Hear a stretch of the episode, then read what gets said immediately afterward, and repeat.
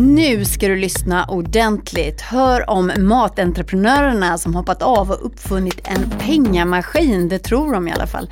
Och så om elever som protesterar mot för mycket skärmtid i skolan. Hur ska det gå för svensk edtech? Dessutom, nu utmanar Breakit företagen. Vilka klarar av att bli klimatsmarta på bara 30 dagar?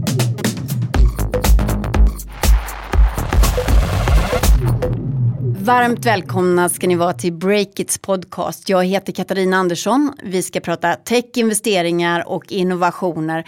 Men först, här kommer några kortnyheter. Varsågod poddredaktör Jon Wahlqvist. Trots att de har rykten om sig som riktiga stjärninvesterare går det inte alltid rätt för alla. Fråga bara Masayoshi Son, grundare och VD på den kinesiska jätten Softbank. Mitt under den värsta håsen satsade han nämligen stora pengar på kryptovalutan bitcoin.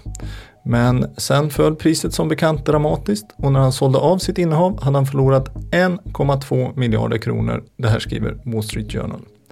Det här drabbar dock knappast någon fattig. Masayoshi Son är god för motsvarande 177 miljarder svenska kronor. Fri frakt har varit en framgångsfaktor för e-handelsjättarna. Men är det slut på det roliga nu? I förra veckan gick nämligen H&M ut med att de slutar med fri frakt på mindre beställningar och nu går Zalando och Asos efter. Trist för oss som e-handlar men kanske lite bättre för miljön. För ett par veckor sedan pratade vi här i podden om fejkkött, alltså vegetariska alternativ till det vanliga köttet. Nu har ett av de största bolagen bakom trenden, Beyond Meat, ansökt om att noteras på Nasdaq-börsen i New York. I samband med noteringen planerar bolaget att ta in 1,6 miljarder kronor. Hallå där, Stefan Lundell här på Breakit. Den senaste månaden har vi kört ett samarbete med Visma SPCS kring deklarationen. På Breakit.se, har, Breakit.se ska jag säga, har du kunnat läsa ett helt gäng konkreta och initierade texter där bland annat Vismas SPCS skatteexperter gett sina bästa råd. Hoppas du läst dem, för nu börjar det verkligen dra ihop sig. Senast den 2 maj ska ju alla ni som har enskild firma lämnat in deklarationen. Men det löser sig, även om du inte ens börjat jobba med deklarationen. För med hjälp av Visma SPCS kan du fixa hela deklarationen i ett litet nafs. Och då sker det dessutom helt digitalt. Gå in på breakit.se. Där hittar du just nu en artikel från Visma SPCS som förklarar steg för steg hur du går tillväga. Och när du ändå är på gång, surfa in på vismaspcs.se deklarationsprogram. För där hittar du lösningar för både bokföring, deklaration på nätet och det kommer kosta dig bara 199 kronor i månaden. Då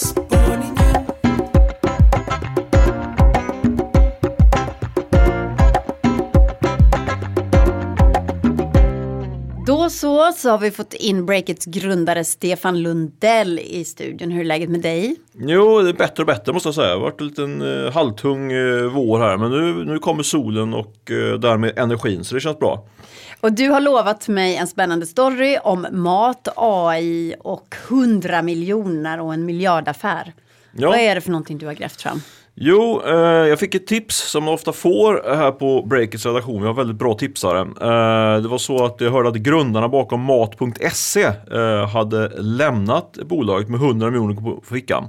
Vad är Mat.se? Man ja, beställer mat på nätet? Eller? Ja, absolut. De har ju varit starka i Västsverige, men de är ju en eh, konkurrent till Mathem och, och till de mer traditionella eh, mathandlarna. Men de köptes upp av Axfood som behövde liksom gasa sin eh, digitala eh, omvandling. Eh, och Axfood betalar ungefär en halv miljard då för drygt två år sedan för Mat.se och eh, grundarteamet där bakom eh, Mat.se cashade in ungefär 100 miljoner. Och eh, ett ganska tydligt exempel på det vi pratade om i podden för ett par några månader sedan två tror jag här kring just att entreprenörer så fort de har den här inlåsningsperioden har gått ut så, så drar de som en avlöning som man brukar säga. Mm. Och det var, det var så här, tipset stämde, det visade att fyra utav fem eh, utav de här grundarna har hoppat av. Sen kan jag inom parentes säga att jag hade, hade också ett, eh, ryktet säger att eh, Axfood har glömt att skriva in en sån här paragraf som låser in entreprenörer. Jag har inte fått det bekräftat. Och det var väl inte riktigt det som är den här storyn egentligen, men en liten kul skvallergrej där att det verkar som att Axfood eh, blir blåsta på sina entreprenörer lite grann i förtid. Och nu stack de väldigt snabbt då. Mm. Och eh, Har de en ny startup på gång då? Ja, faktiskt. Eh, inte inom mat, eller delvis inom, man kan säga grunden i, kring, kring deras idé kommer från eh, matsegmentet. Men för det är så att de eh, killarna bak, för det var killar, fem killar här som var, som var bakom mat.se, de var väldigt tidiga på att använda sig av det som är ett riktigt buzzword nu, AI. Eh, mm. De byggde så kallade smarta inköpslistor. Eh, som i princip eh, innebar att när du gick in och handlade på mat.se en eller kanske två eller tre gånger, tredje gången du kom in, då fick du väldigt eh, smarta och designade inköp, inköpslistor som verkligen stämde på det du skulle ha. Det där var de väldigt tidigt ute på. Och eh, deras plan då, två av de här grundarna i, på mat.se, det var att applicera den här tekniken, AI-tekniken på andra branscher. Mm -hmm. uh, och ganska tidigt så, ganska snabbt så, så spanar de då mot finansindustrin. Uh, för de tyckte att där borde finnas uh, goda möjligheter.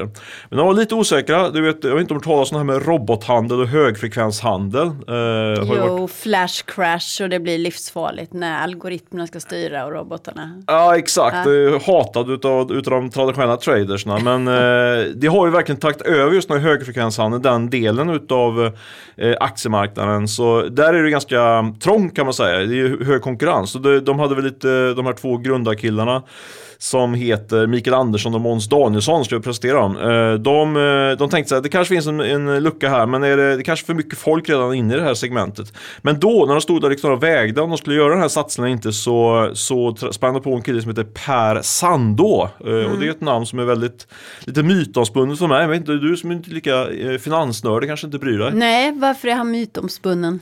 Ja, men det var en kille som drog igång ett bolag som heter Pan Capital och eh, när jag jobbade på Dagens Industri så skrev jag många artiklar om hur många miljarder de här eh, tjänade. Det var bara ett par till stycken som, som liksom på något sätt hittade en magisk formel med hjälp av teknik och gjorde extremt bra affärer på, på aktiemarknaden under, under ett antal år. Jag tror de cashade in en 3-4 miljarder kronor och de var bara ett par till stycken.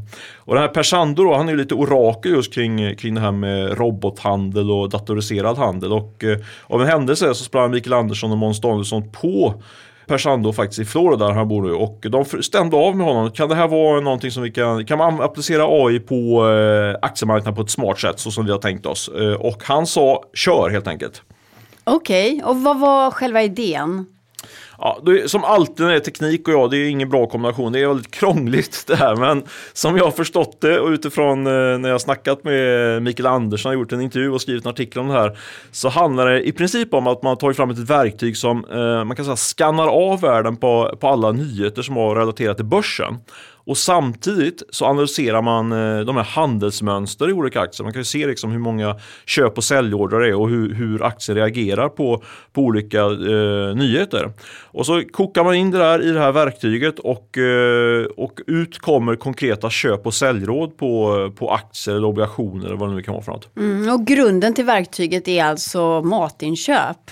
Och så har de byggt på det. Nu ska ja, det handla om miljarders så, lite så. Istället för att du analyserar hur, hur kunderna liksom, äh, agerar om de köper korv eller, eller skinka liksom, till, till mackan så, så tittar man på hur man agerar på en eh, dålig kvartalsrapport till exempel. Så ja, men lite så faktiskt. Det förenklat kan man säga så är, så är grunden detsamma. Att man försöker lära sig utav, utav olika saker och dra slutsatser om framtiden. Mm. Det, det kan säkert funka men jag måste vara aningen skeptisk här för jag tycker just det här med AI och AI-verktyg eh, de är ofta väldigt eh, murky. Alltså det finns ingen transparens kring det. Mm. Här säger alltså entreprenören det här verktyget kan göra det här och det här. Det här kan ge dig fantastiska köpråd. Och sen så är själva algoritmen, den är inte transparent. Man vet inte riktigt vad är det de mäter på egentligen. Vad är det som väger tungt i algoritmen? Vad är det som, som väger lätt och sådär? Och är det, är det saker som verkligen stämmer? Så mm. jag tror att hela den här branschen med AI-verktyg den måste bli mycket mer transparent tänker jag. Alltså nu räcker det nästan med att säga så här, vi har ett jättebra verktyg och jättefina investerare och jättemånga som tror på det här.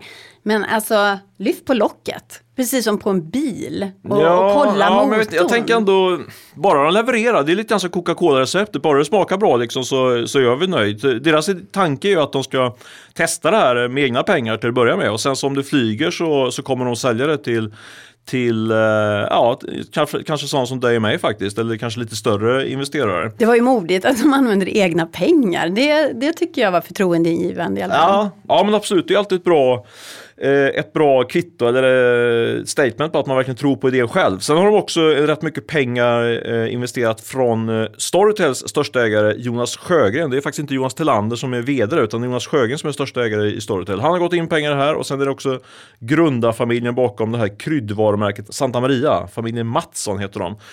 De har gått in pengar så det finns rätt rejäl backning och de ska då såklart utvärdera det här verktyget nu under en tid och eh, flyger det så, så kan det bli så att eh, de börjar sälja verket till, till, eh, ja, till sådana som dig och mig Kat och ja, då kan vi börja köpa aktier och bli väldigt rika. Casha in. Äntligen. Tack för den spaningen Stefan. Tack så du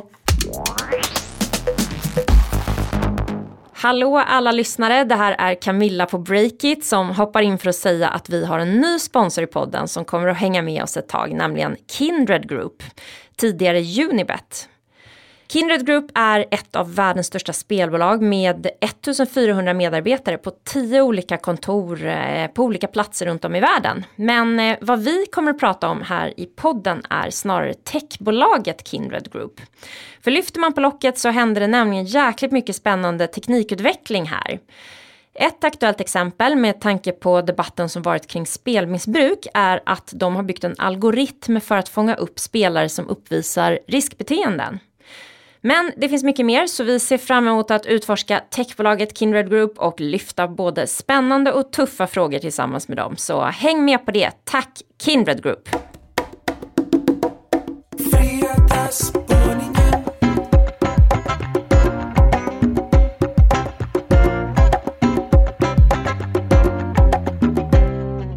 Det rör på sig i det svenska edtech-landskapet. De fyra senaste månaderna så har branschen som vill digitalisera lärandet fått in lika mycket pengar som på hela förra året. Och den här nyheten snappar jag upp på landet i veckan. Jag delar nämligen landställe med kompisar, flera stycken. Och en av dem är Janne Jeppesen som är vd för Swedish EdTech Industry. Det är en branschorganisation för svenska edtechbolag. Har du hört talas om den Jon? Eh, nu har jag det i alla fall. Mm. Och Janni har ju då eh, fingret på pulsen, örat mot rälsen när det gäller svensk edtech då. Och hon menar att från duttar och små såddinvesteringar på några miljoner bara så kommer just nu någon slags eh, våg av det, lite större pengapåsar. Det är nu det händer alltså ja, i den här branschen? kanske. Albert kanske hört talas om. Det mm. är en digital mattelärare som erbjuder läxhjälp. De fick alltså 50 miljoner kronor före jul. Cognity som gör digitala och interaktiva läroböcker. Och Strawbees som lär barn att programmera genom att bygga små robotar med sugrör. De fick också rejält tillskott i, i kassan. 40 respektive 20 miljoner. Så vi kan ju säga så här, det här är ju små pengar i jämförelse med till exempel den stora fintechbranschen i, eh, i Sverige. Det måste man hålla framför ögonen då. Men ändå, kan det vara liksom någonting i, i likhet med att proppen håller på att gå ur? Att, att eh, svenska edtechbranschen är på väg att ta ett kliv framåt. Ja, det, det låter lite sådär. Och liksom sett utifrån så här så det känns som att det här borde ju vara en eh, framtidsbransch. Varför då tänker du? Ja, utbildning? Ut, utbildning, precis. Mm. Allt från politiker till ekonomer pratar ju om det här livslånga lärandet. Att det blir liksom viktigare att fortsätta lära sig hela livet. För att allting går så himla fort. Mm. Det, utvecklingen går så snabbt.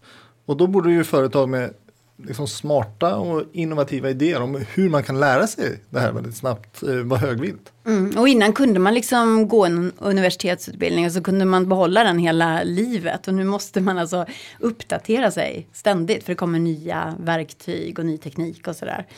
Så företagen de måste ju uppskilla sina anställda som det uppskilla heter. heter uppskilla eller reskilla på svenska då.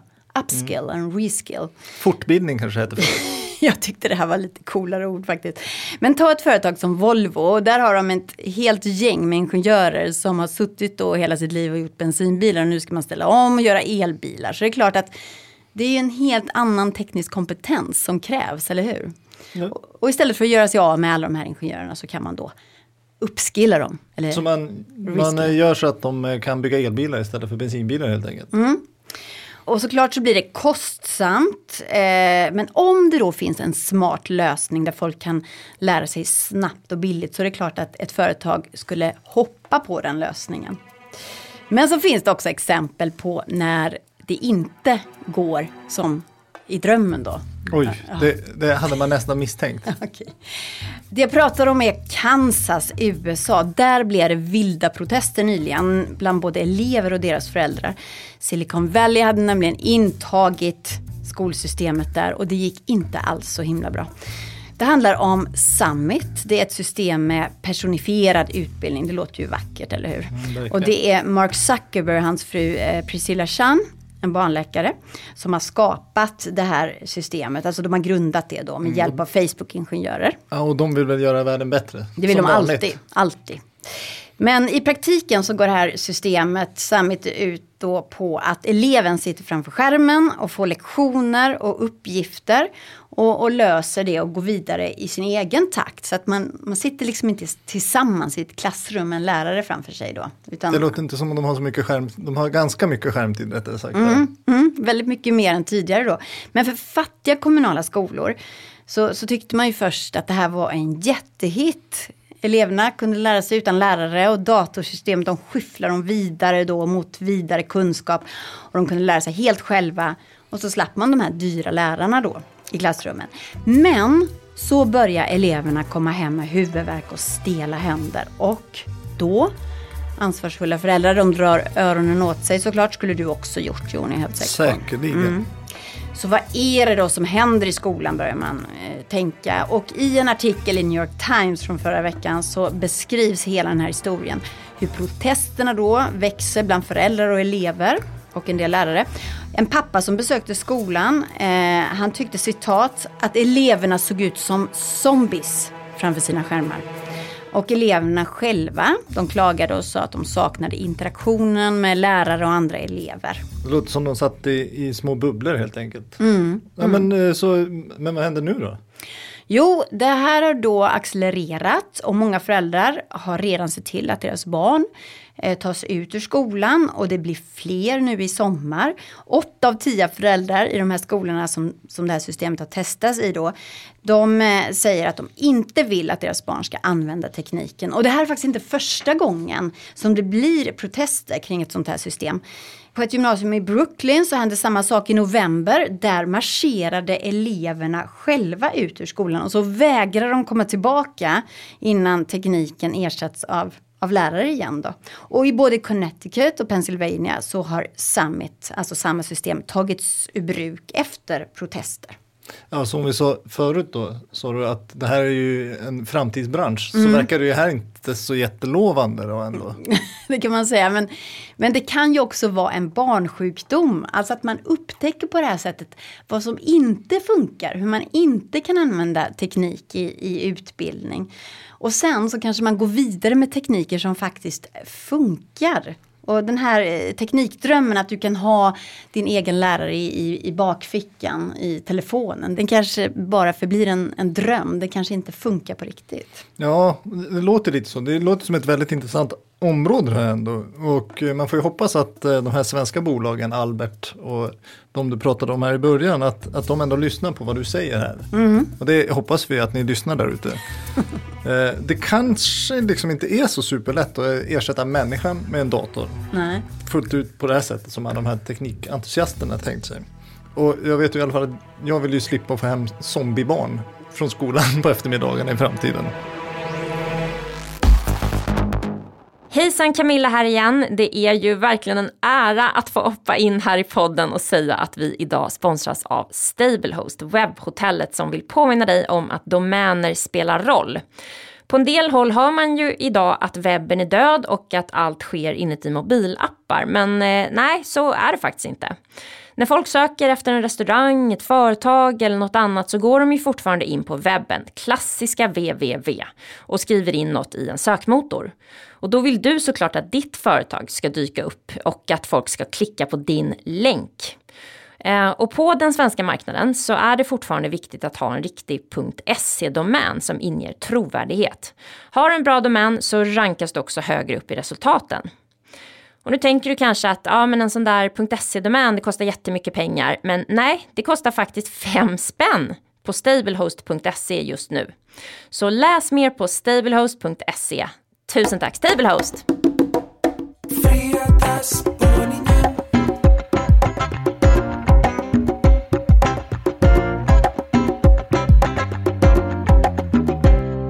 Klimatet är en het fråga. Greta Thunberg har blivit en megastjärna med över en miljon följare på Instagram på grund av sin envisa kamp för klimatfrågorna. Och såklart dras företagen med och vill bli mer klimatsmarta. Men kan man tävla i klimatsmarthet? Japp, det tror vi på Breakit i alla fall. Och nu så har vi just dragit igång en av våra största redaktionella satsningar någonsin tillsammans med en rad kända företag från det nya näringslivet.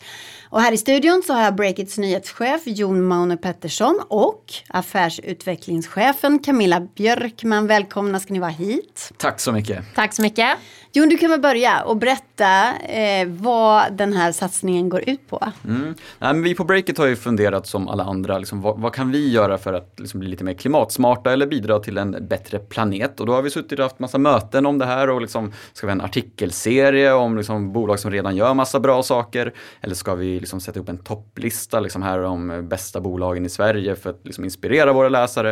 Uh, men ingen av de idéerna riktigt gick vi så supermycket igång på. Men sen så till slut så har vi hittat eh, ett sätt som vi ska bidra på eller med eh, som vi tycker är väldigt bra. Och det är mm. en satsning som vi kallar för Break It Impact Challenge. Ah. Som kommer vara en blandning av en utbildning och uppmaning till det nya näringslivet i Sverige. Att man ska helt enkelt ställa om sin verksamhet till att bli mer klimatsmart och förhoppningsvis helt klimatneutral. Hur ska det här gå till? Hur gör man om man ska vara med på den här utmaningen, den här tävlingen då? Nej, man signar upp sig om man är startup eller techbolag eller ett riskkapitalbolag och så på 30 dagar så kommer vi utbilda liksom, de här bolagen som har signat upp sig i utmaningen i hur man ställer om helt enkelt. Det kommer mm. att ske fem steg, det är en digital bootcamp. Varje måndag kommer vi skicka ut Eh, en ny, ett nytt steg och då handlar det allt om liksom hur, hur kan man ställa om sin arbetsplats till att bli mer klimatsmart eller hur kan man ställa om sitt resande till exempel. Och det är två ganska konkreta saker men även lite flummigare saker som liksom affärsmodellen. Hur, hur kan man ändra den så att man, den blir lite mer klimatmedveten? Men det här är en äkta crash course. 30 dagar, börjar det med en sån kort plan? Camilla? Nej, först tänkte vi att vi skulle göra på 100 dagar men sen, vi har ju höga förhoppningar och vet att våra läsare och lyssnare är, är, är snabbfotade så då sänkte vi det till 30 dagar. Så att eh, ja, 30 dagar ska man eh, hinna med allt det här. Mm. Men känner du själv någon press? Alltså, du jobbar ju på Breakit och Breakit är också med i den här utmaningen, the challenge.